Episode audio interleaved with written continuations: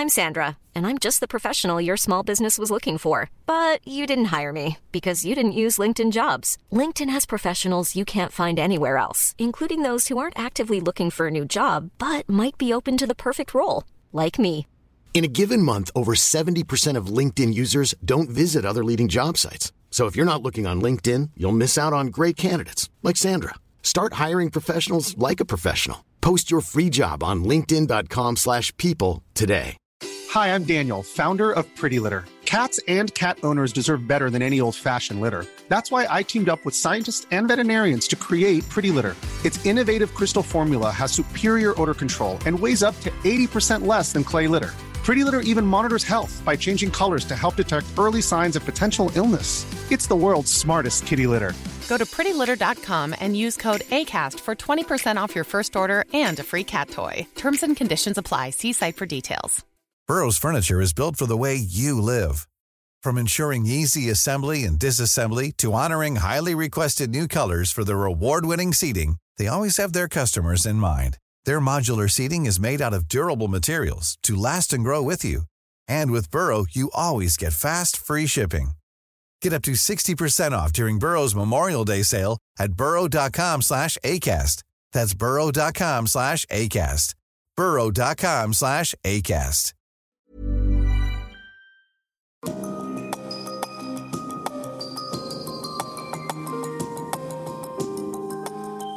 Du lytter til podkast fra Oslo Militære Samfunn. Besøk vår hjemmeside oslomildsamfunn.no, og se oss også på Facebook, Twitter og LinkedIn. God kveld, alle sammen. Mine damer og herrer, gode medlemmer av Oslo Militære Samfunn. Hjertelig velkommen til eh, nok en foredragskveld her. Og foredragsholder, det er, som dere selvfølgelig har lest i programmet, professor Ova Lysne. Han leder seksjonen for nettverk og distribuerte system ved Simula Research Laboratory, og han er professor ved Universitetet i Oslo. Og han jobber inn i mange andre grupper og plasser også, men det kan dere lese på internett.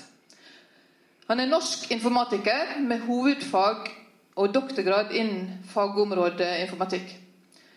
Han har særlig forska på hvordan nettverksarkitektur har innvirkning på ytelse, tjenestekvalitet og oppetid i datanettverk.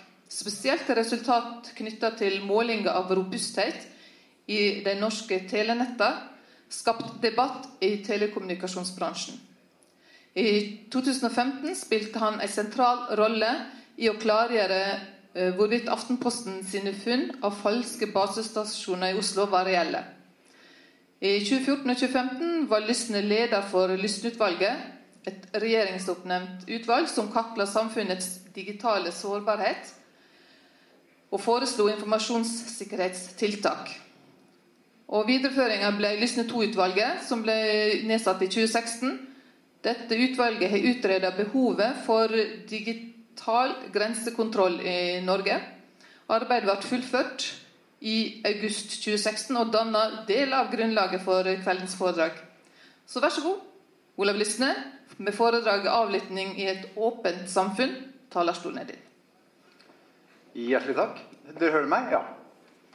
Eh, jeg er da professor Olav Lysne og er da blitt introdusert nå. Veldig hyggelig eh, å få lov til å være her. Eh, jeg må si at spesielt hyggelig er det jeg har vært her ved et par anledninger og holdt, holdt foredrag. Og så har jeg møtt en jeg kjenner som lektor Døhl. Jon Døhl. Dere kjenner ham sikkert under et, under et annet navn.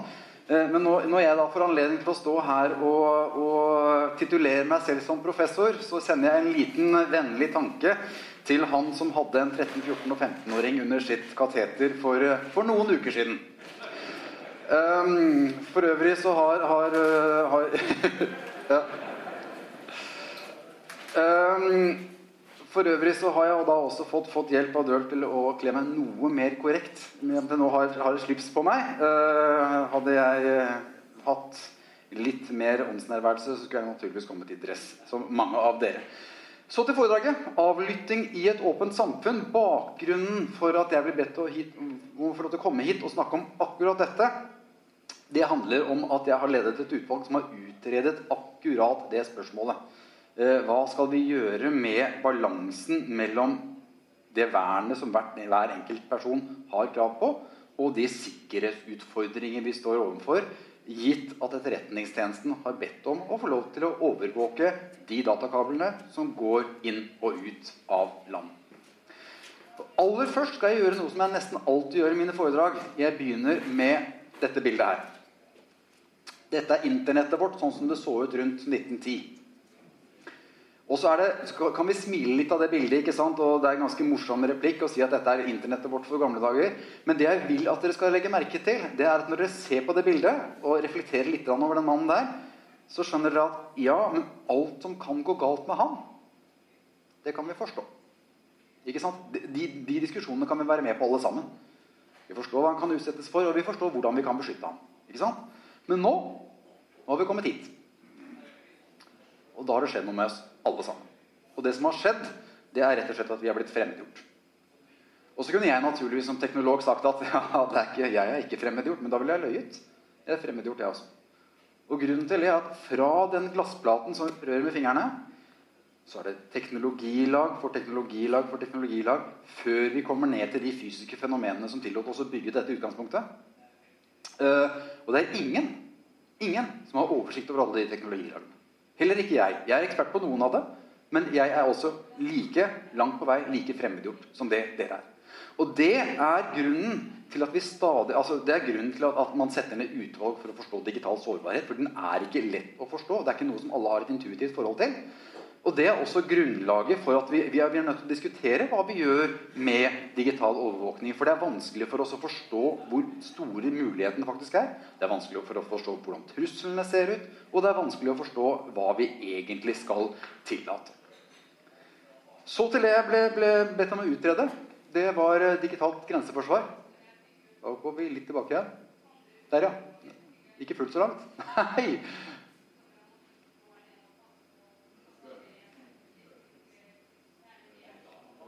Ja, det er sånn. Er det noen som kan EDB her?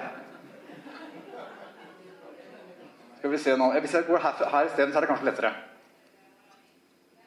Der tenker jeg. Digitalt grenseforsvar, hva er det for noe?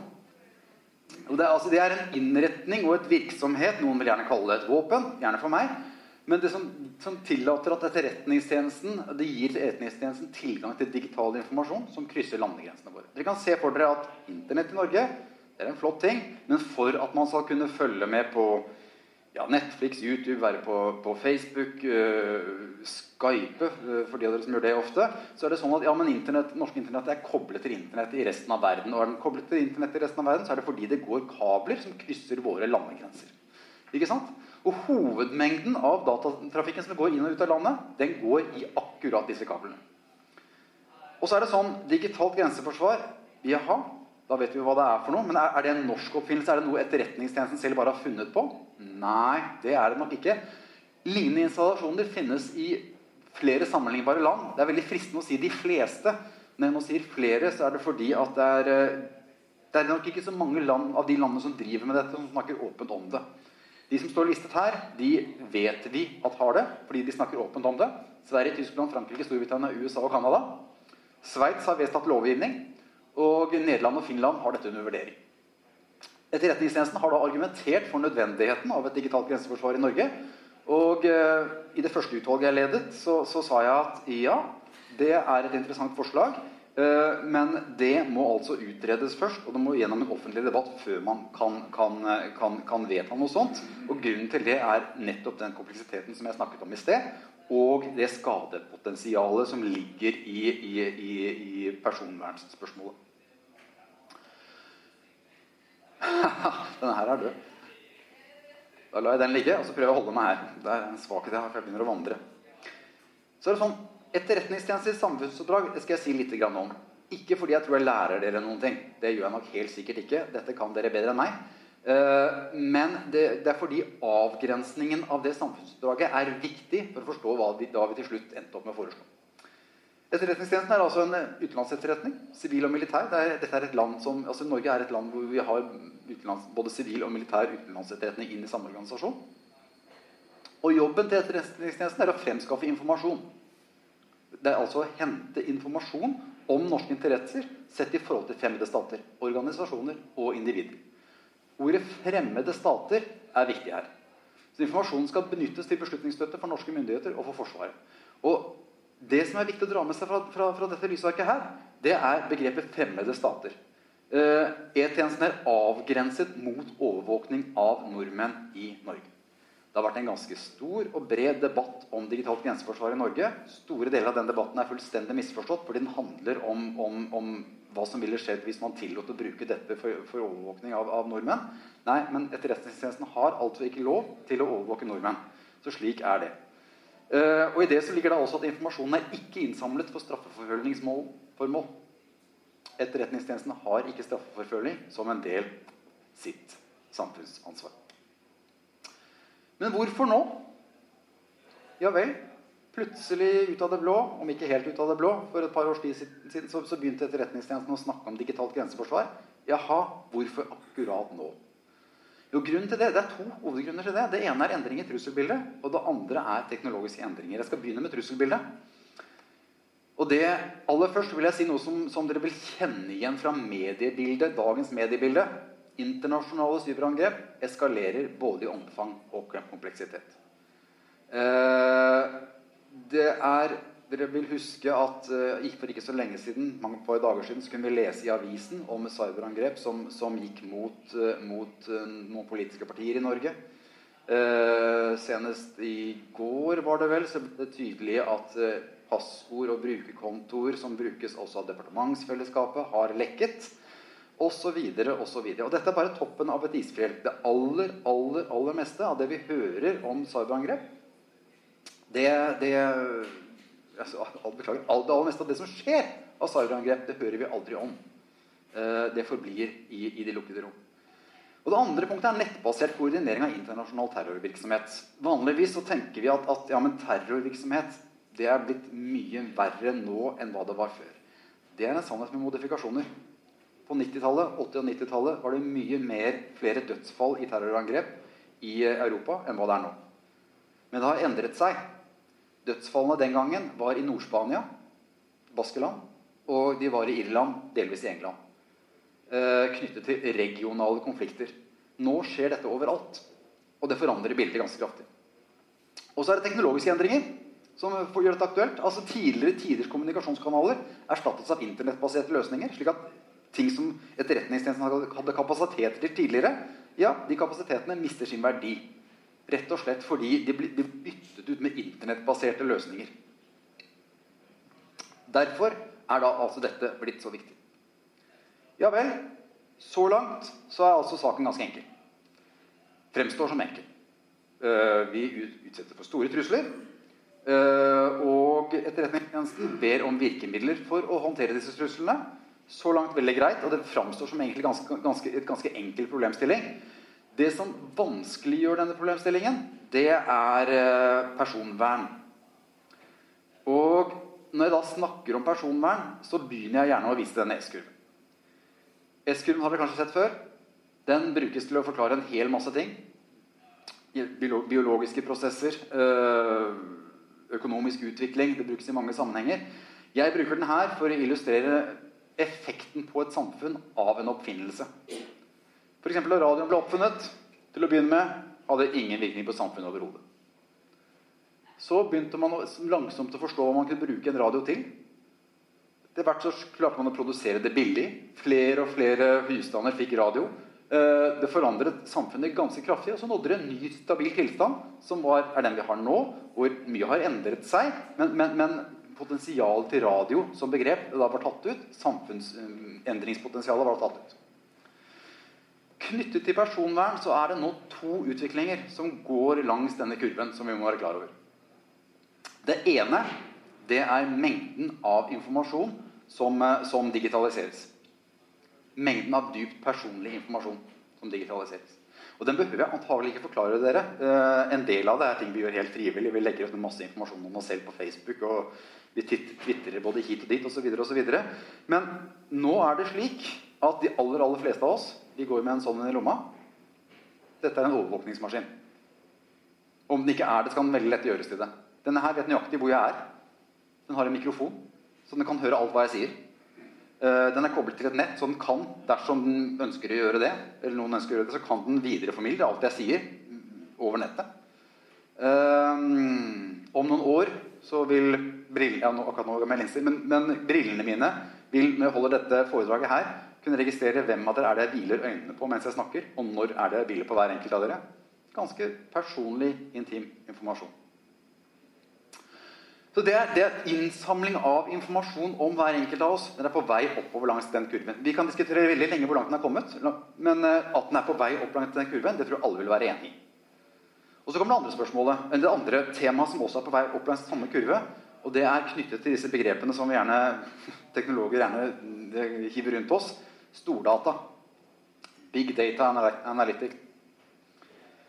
Uh, for å gi dere et eksempel, altså Det brukes på veldig mye, men det eksempelet som, som illustrerer best hva det er jeg tenker på, det er La meg nå anta at jeg, jeg vet følgende veldig veldig få ting om en kvinne. Hun er 31 og barnløs. Hun har akkurat fått jobb i offentlig sektor. Byttet fra privat sektor. Eh, hun var hos legen sin på torsdag, og på søndag søkte hun etter ny leilighet. Ja vel?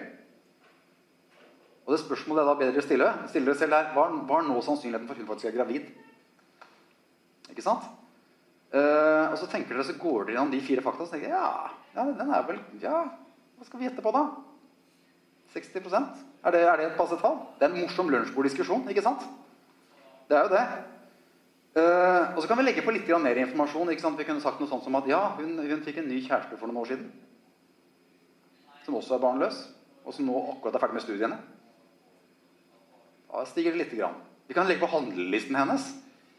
Ja, Så stiger den enda lite grann. All den informasjonen der som jeg nevnte nå, er ganske triviell og banal informasjon som er digitalisert om denne kvinnen. Og så er det altså sånn at dette er ikke en lunsjborddiskusjon lenger. Det er det som er styrken i stordata. styrken i big data. Ikke sant? Dette lar seg regne ut. det. Hvis jeg, stor, hvis jeg, sitter på alle disse datamengdene, og jeg sitter med det om, om, om 10 000 kvinner, så kan jeg si at ja, ok, av alle de kvinnene som det der var tilfellet med, ja, så ser jeg jo det var 83% som faktisk var gravide. Og så regner jeg det ut. Helt enkelt. Det er det stordata kan. Og så er det altså sånn at du skal ikke vite så veldig mange ting. Altså Har du kommet opp til sju, åtte, ni sånne detaljer, banale detaljer om noen, så har vi kommet dit at sannsynligheten for at du beregner feil, den ligger ikke om du har regnet feil. Den ligger i at hvorvidt graviditetstesten hennes faktisk var riktig. Ikke sant? Og det er styrken i stordata. Ikke sant? Det, det, altså den, den, vil avsløre ting, kunne avsløre ting om hver enkelt av oss som vi aldri hadde tenkt å fortelle noen. I alle fall ikke enda i det tilfellet der. Ikke sant? Og uten at selve den informasjonsbiten har vært digitalisert. Men den lar seg altså avlese av alt annet vi gjør.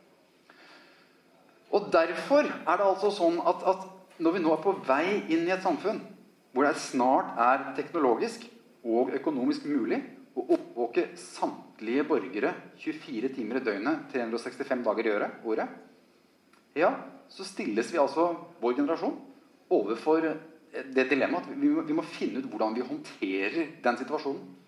For den, den, den, situasjonen håndterer ikke seg selv. Og de spørsmålene vi må stille oss da, det er jo disse. Hva er det som vil være mulig om 20 år? Og det er litt det jeg snakket om nå i sted. Hva som vil være mulig om 20 år. Ekstremt mye mer enn hva som er mulig nå. Og det er av, av, av samfunnsendrende karakter. Eh, det vil være sånn at kan, Man kan, kan nå bygge et samfunn hvor det å holde noe som helst skjult egentlig er langt på vei umulig. Det neste er hva, hva er det som vil være kompromitterende om 20 år? For det er det andre, den andre siden av samme mynt. ikke sant? Er dette her så farlig, da? Hva skal vi være så redd for? For hva som er kompromitterende, det endrer seg voldsomt. Ikke sant? Det er ikke så mange tiår siden det å være homoseksuell var dypt kompromitterende. Men i svært urbane strøk nå så er det nok ikke det. Eh, det er enda færre år siden vi fikk digitalkameraene. Og jeg husker vi snakket om at hvis noen hadde sett deg og tatt et bilde av deg med ølen i hånden, så måtte det, for all del ikke ut på nettet. Tenk hvis arbeidsgiveren din fikk se det. Ja, vi er ikke der lenger. Alle legger ut bilder av seg selv på fest nå.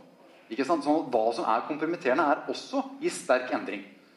Det neste er det mulig å tillate og deretter forby innsamling, lagring og sammenstilling av store datamengder. Altså, Hvis vi skjønner at nå har vi kastet sluken for langt ut, og vi må seive den litt inn igjen Vi må faktisk stramme inn. Er det da mulig å gå tilbake? Så er jeg en sølveteknolog. Eh, så jeg kan ikke svare på det spørsmålet. Men dette foredraget jeg har holdt for så mange politikere Og jeg vet, skjønner på reaksjonen i rommet når jeg snakker til politikere om dette, at det er i alle fall et godt stilt spørsmål. Eh, det er grunn til å lure på om dette er mulig. På neste burde vi legge oss på et linje som er robust ved et regimeskifte, altså ved et kupp. Ikke ved stortingsvalg, naturligvis, men ved et kupp. Det er et spørsmål. Altså, hvilken informasjon om hver enkelt av oss er det greit at, de, de, at en eventuell kuppmaker finner? Hvis dere, har, eh, dere, kjenner helt sikkert historien om Max Manus. At han eh, sprengte i stykker et kartotek i Oslo. Det var et kartotek over alle vernepliktige menn i Norge. Det var viktig, for det måtte ikke komme tyskerne i henne. Men det er klart at den informasjonen vi nå har om enkelt av oss, det er ikke sånn det blir da. Det er ikke noe å sprenge i stykker, fordi dataen er overalt. Og det er ikke data om hvem som er vernepliktig vi behøver være redd for da. Da er det data om hver eneste en av oss. Hvilke sympatier er det vi har? Hvilke antipatier er det vi har? Og i hvilken, hvilken, grad er det sannsynlig at hver enkelt av oss At jeg omsetter mine sympatier i handling? Den informasjonen er det som kommer til å være tilgjengelig om hver enkelt av oss. Derfor er dette et, et viktig spørsmål. Og til slutt nedkjølingseffekten.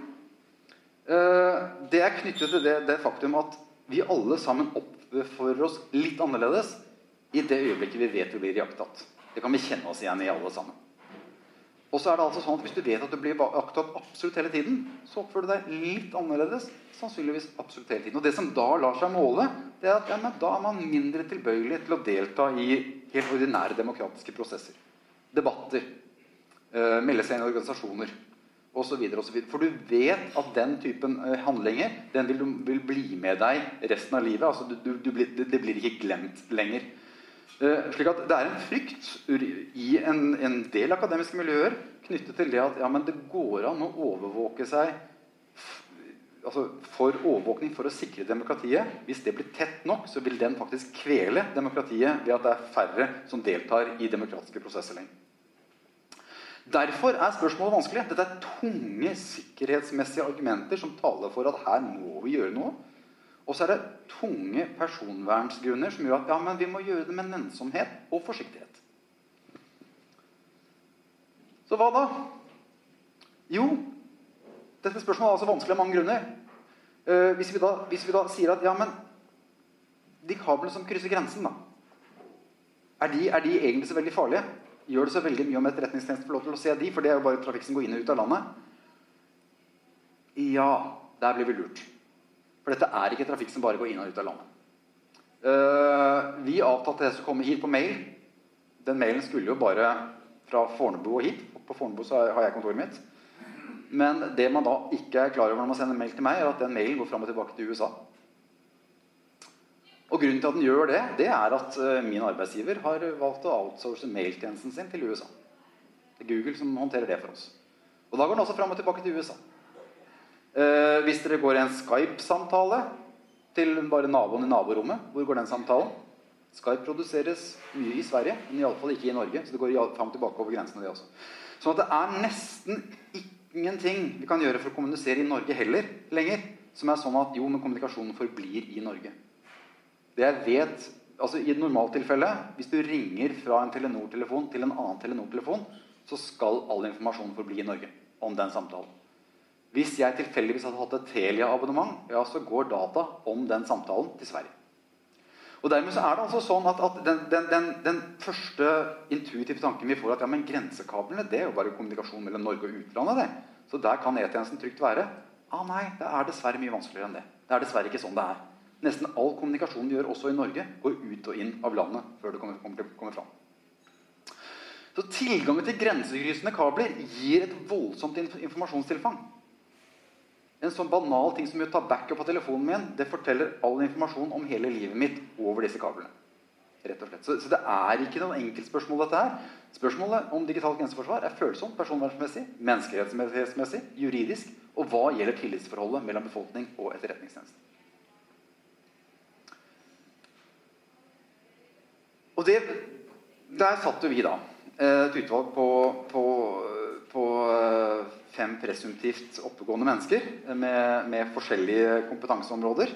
Uh, en med erfaring fra Etterretningstjenesten, jeg var der som teknolog, to jurister og en med, med, med bakgrunn fra, fra, fra, Sjøforsvaret. Og prøvde å forstå ja, men dette er altså problemstillingen. Her har vi altså en problemstilling hvor rikets sikkerhet og vern om, om enkeltpersonens informasjon står skarpt mot hverandre. Og så var det oppgaven vår å da prøve å finne, finne et svar på dette. Og så Overskriftsmessig så, så, så kom vi iallfall fram til det følgende. Og det er at Dette kan bare anbefales dersom det finnes en løsning som er teknologisk gjennomførbar. Som samtidig er på et trygg juridisk grunn. Som samtidig ikke skader tillitsforholdet mellom E-tjenesten og befolkningen. Og ikke minst, den må gi etterretningsmessig verdi. Alle de fire tingene samtidig må være på plass. Hvis ikke vi får til det, så kan vi altså ikke anbefale den.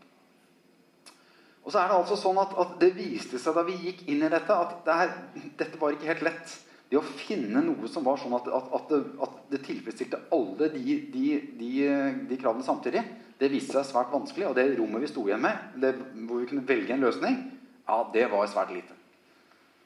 Spesielt og det er kanskje en av mine kjepphester, det er veldig lett å tegne opp noe som virker helt fantastisk. Som er på trygg juridisk grunn, ikke skader noe tillitsforhold og gir tilstrekkelig etterretningsmessig verdi, men som altså ingen teknologer vil være i stand til å bygge. Det er veldig lett å tegne opp, og det er veldig viktig å ha det klart for seg. Der hvor det er lettest å bli lurt her, det er rett og slett på, på hva teknologien rent faktisk gjør. When you're ready to pop the question, the last thing you want to do is second guess the ring. At Bluenile.com, you can design a one-of-a-kind ring with the ease and convenience of shopping online. Choose your diamond and setting. When you find the one, you'll get it delivered right to your door. Go to Bluenile.com and use promo code LISTEN to get $50 off your purchase of $500 or more. That's code LISTEN at Bluenile.com for $50 off your purchase. Bluenile.com code LISTEN. Burrow's Furniture is built for the way you live. From ensuring easy assembly and disassembly to honoring highly requested new colors for their award-winning seating, they always have their customers in mind. Their modular seating is made out of durable materials to last and grow with you. And with Burrow, you always get fast, free shipping. Get up to 60% off during Burrow's Memorial Day sale at burrow.com slash ACAST. That's burrow.com slash ACAST. burrow.com slash ACAST.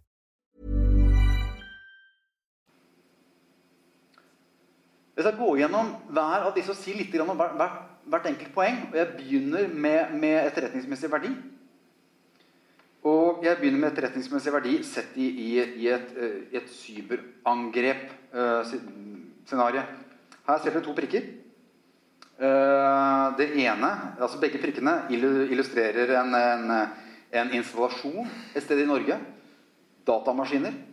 Uh, som inneholder sensitiv informasjon av en eller annen karakter. Og så er det en liten stiplet ring rundt hver av dem. Det illustrerer rett og slett at ja, akkurat disse to installasjonene de er svært godt sikret, med kompetent personell som driver det, og med sensorer som er i stand til å oppdage hvis noen prøver å angripe det. Så er verden såpass, såpass fin at eh, jo, Vi kunne håpet at verden var akkurat sånn som dette. Men dessverre så vet vi altså at ja, der fins en hel del steder som ser sånn ut. Som er akkurat like sensitive, men som ikke driftes av kompetent personell. Og som heller ikke har sensorer som, som er i stand til å oppdage angrep. Dessverre, det, Dette er et faktum. Det kan vi bare slå fast. Og så har jeg lyst til at dere skal, skal merke dere med, med, to begreper her eh, som jeg skal bruke et par setninger på å forklare. Metadata og innholdsdata. Uh, det er knyttet til forskjellige former for data som går over de kablene som, skal, skal, som presentivt skal overvåkes. Og bare for å støtte intuisjonen deres Brev har vi skrevet alle sammen. Vi skriver på et ark, på noen ark, putter inn en konvolutt og setter, setter, avsender og mottak på utsiden. Metadata er det som står på utsiden av konvolutten. Hvem som har sendt, hvem skal motta, og når ble det sendt. Det er metadata. Og Da skjønner dere helt sikkert hva innholdsdata er for noe. nemlig Det, det er det dere rent faktisk skrev. Og så skjønner man også at ja, det er to forskjellige ting, og det har forskjellige sider ved seg. Både knyttet til personvern og knyttet til hvilken nytte det har. Det vil man også forstå. La oss nå anta at dette er situasjonen, og så blir vi utsatt for et angrep. Vi oppdager det hvor? Jo, de to stedene hvor det fantes kompetent personell og sensorer. Der oppdager vi angrep. Og Den situasjonen landet er i da, det er at ja, vi vet at der foreligger et angrep. Uh, vi vet noen som er angrepet, men vi aner ikke hvor bredt dette angrepet er. Og dette er en veldig typisk situasjon. Det vi da kan gjøre, er naturligvis å si at vi snakker med de to, de to, uh, de to enhetene som, som, som, har kompetent personell, og som har sensorer. Og så vil de kunne si at ja, vi ser at vi har angrepet av denne. Denne aktøren. kan de se. Ofte, men ikke alltid, kan de se det. Men det er da også som, så langt som vi kommer. Det vi ville ønsket oss, det er å ha et digitalt grenseforsvar hvor man tar vare på metadata i noen tid. Altså hvem er det som har kommunisert med hvem i noen tid. Og så kan man gå tilbake i tid og si at å ja, for tre uker siden så ble disse angrepet. Hmm, men jeg ser jo at akkurat samme aktøren kommuniserte med alle disse også samtidig. Det ønsker man å kunne gjøre. Og Da vil man kunne se bredden av dette, dette digitale angrepet. Og Hvis angrepet var da, sånn, sånn, sånn, som dette angrepet som vi snakket om for en ukes tid siden, PST, Arbeiderpartiet, Stortinget, ja, så ville man altså oppdaget at jo, PST, Arbeiderpartiet, Stortinget, men kanskje i tillegg også NRK, Utenriksdepartementet. Som et eksempel.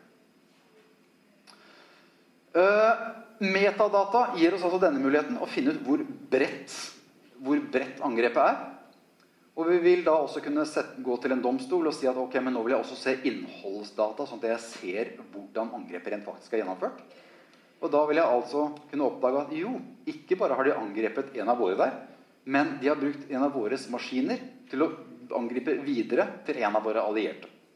Eksempel. Veldig vanlig scenario. Dette scenarioet har vi fått tegnet opp av Etterretningstjenesten. Jeg ba dem tegne et, et, et, et generisk angrep som jeg fikk lov til å snakke om offentlig. Det er da altså dette. Så dette er altså noe Etterretningstjenesten har tegnet opp. Med lov til å snakke om offentlig, Men det er veldig typisk, en veldig typisk scenario.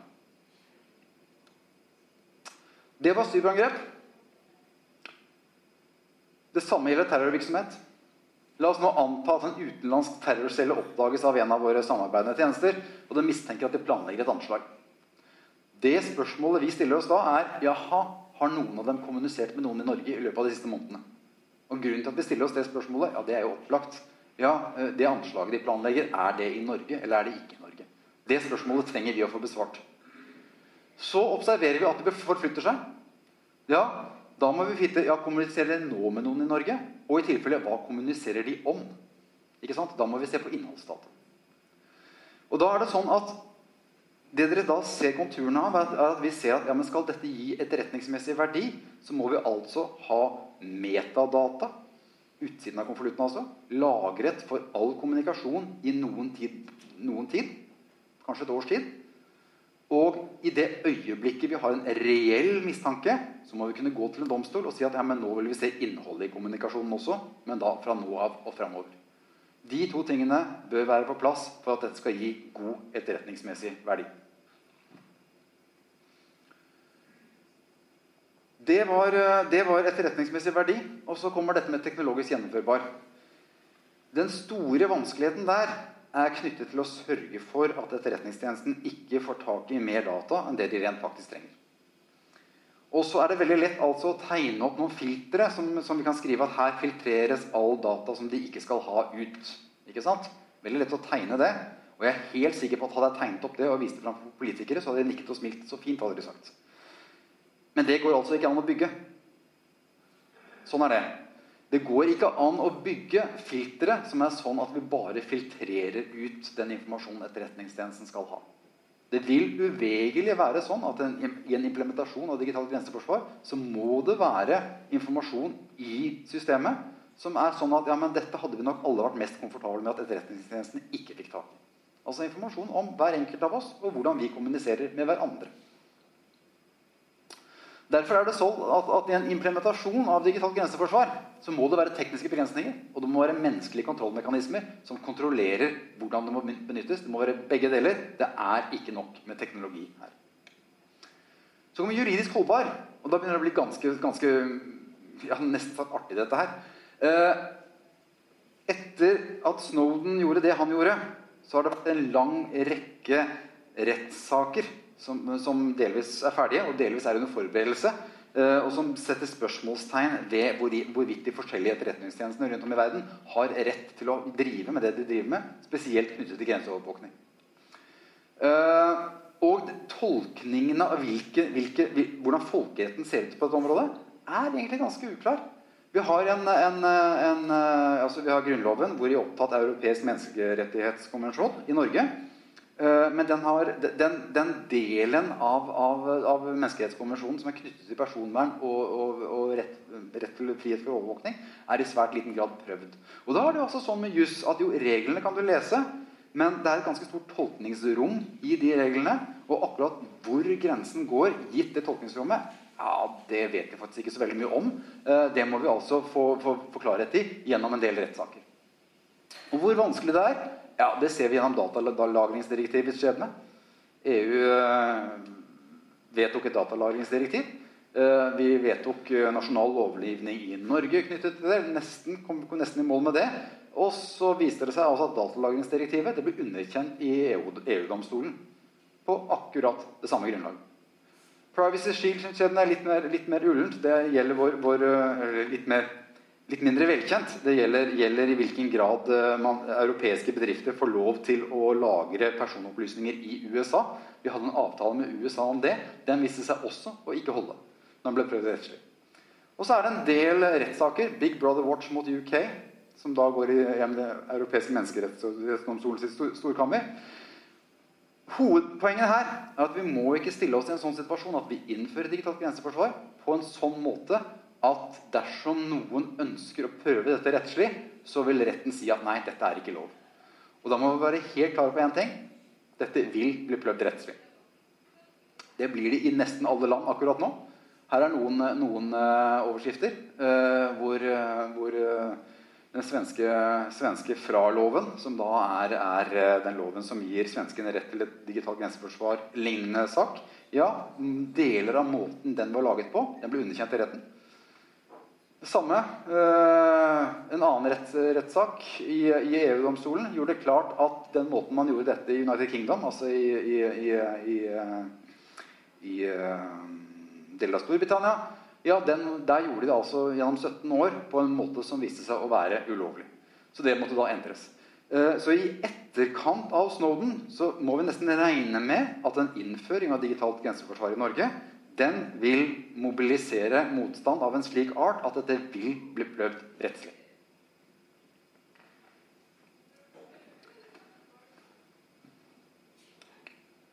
Så kommer dette til å bevare tillit i befolkningen. Og det er klart at etterretningsmessig verdi som jeg har snakket om, ja, det har noe skarpt og krispt ved seg. Altså jeg kan snakke om det, så, så, så er vi litt fort enige om hva som har verdi, og hva som ikke har verdi. Det samme juss. Vi blir fort enige om hvilke regler som skal gjelde, og, og, hvem som skal bestemme hva som er lov, og hva som ikke er lov. Teknologi litt det samme. Det er ganske lett å, å, å, å snakke om, om, teknologi og si hva går det an å bygge, hva går det ikke an å bygge.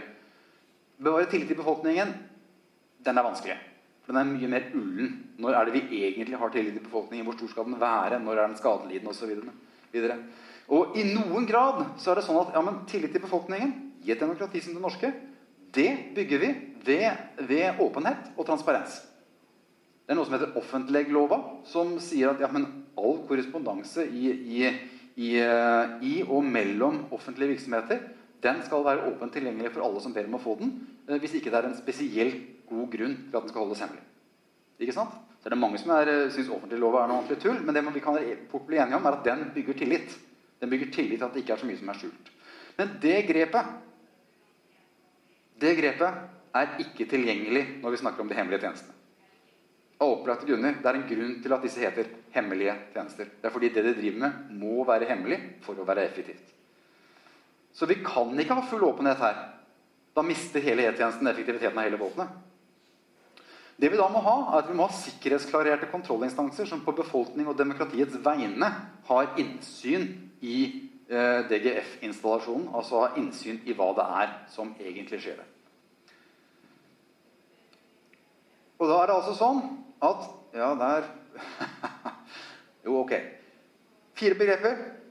Juridisk holdbarhet, teknologisk realiserbarhet, etterretningsmessig verdi, tillit til befolkningen. Og det vi lette etter, det var akkurat overlappspunktet. Altså Hvordan er det vi kan lage dette slik at alle disse tingene er ivaretatt samtidig? Og så, som jeg sa i sted, det var ikke helt lett. Og for å komme dit så var vi altså helt nødt til å, å gå ganske detaljert til verks. Og, og, egentlig designe opp litt hvordan, hvordan er det dette må bygges for at vi skal komme dit. Og dette gjorde vi da Delvis i samarbeid med Etterretningstjenesten for å være sikker på at etterretningsmessig verdi faktisk ble med oss tvers igjennom hele. Aller først, der har vi en kabel. Der går, den går, La oss si den går til Sverige. Den ønsker vi altså å legge et digitalt grenseforsvar på. Så er det sånn at jo, der skal det hentes ut informasjon. Så der får vi en grønn pil ned til et innholdsdatalager. Og da er vi altså på innholdsdata. Vi skal ha et eget lager for innholdsdata. Og så er det sånn at ja, men skal vi ha kontrollmekanismer på dette? Det skal eh, være et filter som filtrerer ut at det bare er det riktige, det interessante innholdsdata som kommer ut. Ikke for mye. Og det skal være noen etterretningsfolk som søker i dette lageret. Som har dette som sin jobb å finne ut ja, hva er det noe som egentlig foregår her. Og så må det være et, en funksjon som logger alt sammen. Alle søk som gjører, gjøres. Og som da, sånn at vi klarer å holde oversikt over hva det er som egentlig har skjedd. Så er det altså sånn at innholdsdatalageret sånn Intuitivt så høres dette, dette som kanskje det mest skumle. ikke sant? Fordi her er det innholdet i brevet ditt. Dette er bare det du faktisk skrev. Men hvis vi ser på etterretningsmessig så viser det seg at dette er faktisk det teknisk enkleste. Fordi dette skal, trenger Etterretningstjenesten bare å få tak i når de allerede vet hvem de mistenker, og hva de mistenker folk for. Sånn at de kan, Det kan være sånn at, at jo, men her før noe som helst slipper inn i innholdsdatalageret, så skjer det etter at en domstol har godkjent at jo, akkurat det individet skal dere få lov til å lese innholdet til kommunikasjonen fra. Så går du til en domstol og sier at ja, men her har jeg en person. Grunnen til at vi mistenker vedkommende for å planlegge en terrorhandling, det er sånn og sånn og slik og slik. og slik. Vi ønsker å få innholdet i hans kommunikasjon. Hvis domstolen da sier ja, vel, så åpnes det filteret for hans innholdsdata, og det havner der. Og da er det egentlig ganske greit, fordi, fordi der, da er vi i den situasjonen at, at ja, men vi, kan, vi, kan, vi, har en domstolsordning som sikrer at dette bare skjer når det skal skje.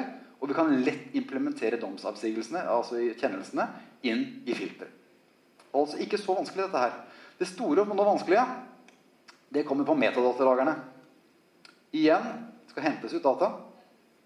Igjen skal det være et filter som sørger for at det ikke er altfor mye feil metadata som kommer dit. Igjen skal det gjøres et søk eller flere søk der av etterretningspersonell. Og igjen skal det altså være maskinell logging og godkjenning av disse søkene. Men her kommer det vanskelige, for her kommer teknologibegrensningene inn. For at dette skal gi etterretningsmessig verdi, dette metadatalageret, så må det altså lagre all metadata litt tilbake i tid. Ikke sant? Hvis dere husker i sted, så var det sånn at jo, vi er under angrep. Hvem andre var det som ble angrepet samtidig? Ja, når jeg har oppdaget et angrep, så har det gått litt tid. Jeg må kunne gå tilbake i tid for å se om det er flere som har angrepet. Så dette trenger å lagres i noen tid.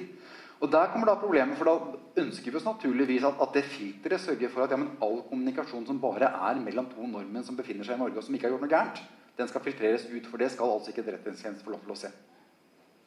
Og så viser det seg at det går altså ikke an å gjøre. Dessverre går ikke det an å gjøre. Så dette metadatalageret det vil inneholde en masse informasjon som dreier seg om min og din kommunikasjon. Der Vi må sikre oss der for at ikke den, dette, den, denne, denne, effekten med denne, denne, gravide kvinnen som jeg snakket om tidligere i dag, skal, skal, da kunne bli mulig for Etterretningstjenesten. For at, altså, skulle de ønske å overvåke noen nordmenn på den måten at det ikke skal bli mulig, så må vi altså sette grensene her på maskinell logging og godkjenning av søk. Det vi sier om det, det er at jo, metadatalageret den får lov til å lagre alle metadata 18 eh, måneder tilbake i tid. Men ingen etterretningstjenesten får lov til å søke i disse metadatene uten at de da har gått til, til domstolen. Sånn at der er domstolsbegrensningene lagt på søkene. Da må altså Etterretningstjenesten si at ok, men her har vi et cyberangrep. Se, her kan vi dokumentere et cyberangrep. Vi lurer på om det er flere som er angrepet her. Nå har vi lyst til å gjøre dette søket i metadataene for å få klarhet i om hvor stort dette angrepet er. Og så kan domstolen si at mm, ja, det skal dere få lov til å gjøre. Så får dere lov til å gå og gjøre det søket. Sånn at vi la opp dette slik at, at, at uh, det ikke skulle være mulig å hente ut noe som helst informasjon fra disse kablene for en etterretningsoffiser uten at det er en domstolskjennelse som har sagt at jo, akkurat dette skal dere få lov til å se. Fordi begrunnelsen deres er god nok. Så det, var, det er jo svært, svært strengt kontrollregime vi har lagt på dette her. Eh, så har det vært litt vanskelig å få det gjennom i media, det skal sies, men det har vi altså. Eh, så hele opplegget vårt er da tegnet sånn, sånn som det står her. Vi har en, eh, et, et, et, innholdsdatalager som jeg fortalte dere om, et metadatalager som vi fortalte dere om. Vi har en domstolsordning som må spørres for hver eneste lille bit som skal hentes ut. Vi har et tilsynsordning som holder, holder, skal holde oversikt over dette DGF-forsvaret 365 dager 24 timer i døgnet. Eh, og som da ser til at man gjør ikke noe mer her enn det domstolen har sagt ja til. Og så har vi Stortingets EOS-utvalg, som naturligvis da gjør etterhåndskontroll. Dette er det forslaget som vi da kom fram til. Og som vi mener tilfredsstiller disse fire kriteriene. Det gir etterretningsmessig verdi, det går an å bygge teknologisk, det vil stå seg i en rettslig prøving, og det burde ikke, uh, det burde ikke uh, være skadende, skade, ikke skade tillitsforholdet mellom befolkningen og etterretningstjenesten. Og så kommer debatten.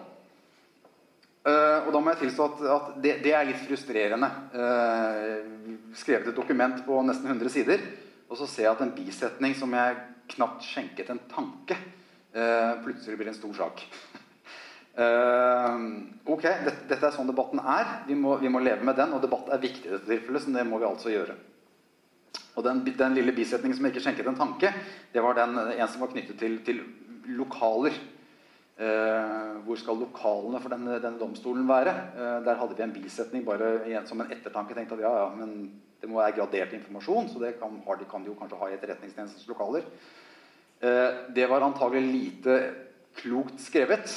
Mye av debatten etterpå dreide seg om akkurat det. Men la, la, meg bare si det med en gang. Dette spørsmålet er altfor stort, for vanskelig og for komplisert til at, at, at spørsmålet om egnede lokaler skal avgjøre dette. Eh, det er, ikke der vi er.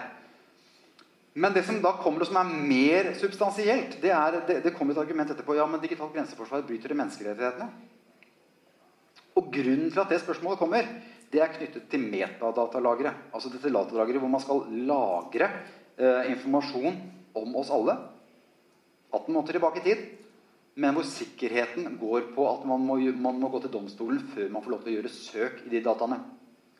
Og der er det en sånn substilitet. ikke sant? Mange av oss vil tenke at ja, men hvis du, hvis du ikke har ja, Den er knyttet til det at ja, men når er det egentlig blitt overvåket? Er du overvåket når informasjonen er blitt tatt vare på om deg? Eller er du overvåket først når noen får lov til å se den informasjonen? Og Der går debatten. ikke sant? Det var en interessant dom i, i EU-domstolen som kom i desember, altså etter at vi hadde levert, som gjorde det egentlig ganske klart at ja, sånn som vi har laget og tegnet opp digitalt grenseforsvar her, kanskje spesielt metadatalagre, så er det iallfall ikke lov å bruke det til kriminalitetsbekjempelse. Så ble jeg veldig glad for det, for det betyr i alle fall, ok, men da fikk vi iallfall det riktig. At uh, digitalt grenseforsvar skal altså ikke brukes til kriminalitetsbekjempelse. Men så er debatten litt sånn at det er veldig mange som nå sier at hele digitalt grenseforsvar det bryter menneskerettighetene. Og det vil jeg si nei. Det gjør det ikke. Det kan tenkes det kan tenkes at metadatalagre eh, bryter menneskerettighetene. Det kan tenkes, men det er heller ikke klart. Fordi denne dommen sier ingenting om hva som skal være lov eller forbudt når det er snakk om rikets sikkerhet. Når det er snakk om kriminalitet, så er det helt klare. Grov kriminalitet, der kan man ikke lov til å gjøre det på denne måten her. Men når vi snakker om rikets sikkerhet, ja, så virker det synes det på meg å være sånn at det kan man. Men uansett hva de sier, den, så sier uansett hva juristene der konkluderer med, så vil det altså være sånn at digitalt grenseforsvar vil være lovlig dersom man fjerner metadatalager. Og så er det mange som da vil ha det til at hele digitalt, tanken om digitalt grenseforsvar da er død. Det er den i alle fall ikke. Vi ble enige i løpet av tiendedels sekund om at, det, at, hvis juristene sier at, at metadatalagre eh, strider mot menneskerettighetene, så blir vi alle sammen enige om, i løpet av et sekund om at da må jo det bort. Men det betyr ikke at digitalt grenseforsvar må bort, for det er ganske mye verdi, etterretningsmessig verdi igjen i det.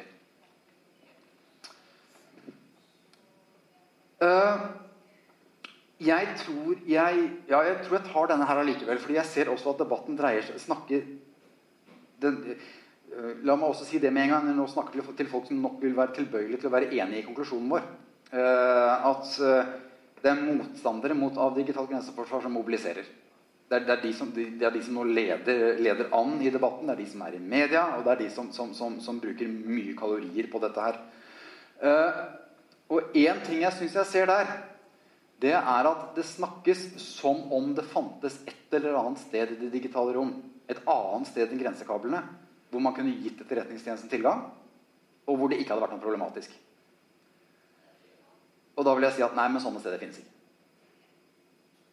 Så så lenge, så lenge vi fortsetter å gi Etterretningstjenesten oppdrag som de bare kan løse i det digitale rom, så er det altså sånn at de må ha én tilgang til det digitale rom for å få løst det.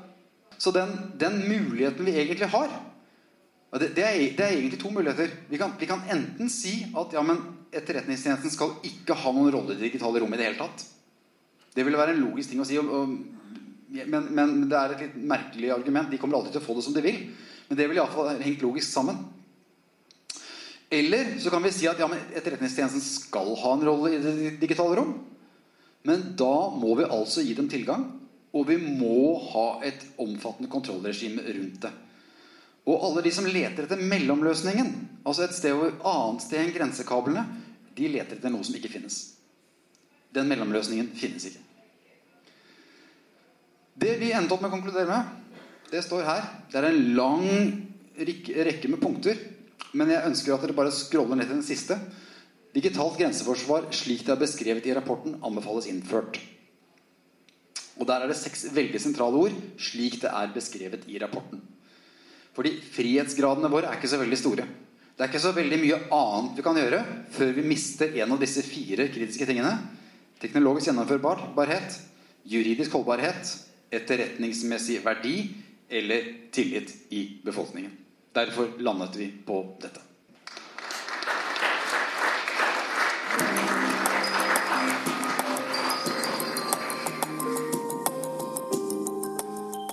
Du har hørt podkast fra Oslo Militære Samfunn. Besøk vår hjemmeside oslomildsamfunn.no, og besøk oss gjerne på sosiale medier som Facebook, Twitter og LinkedIn.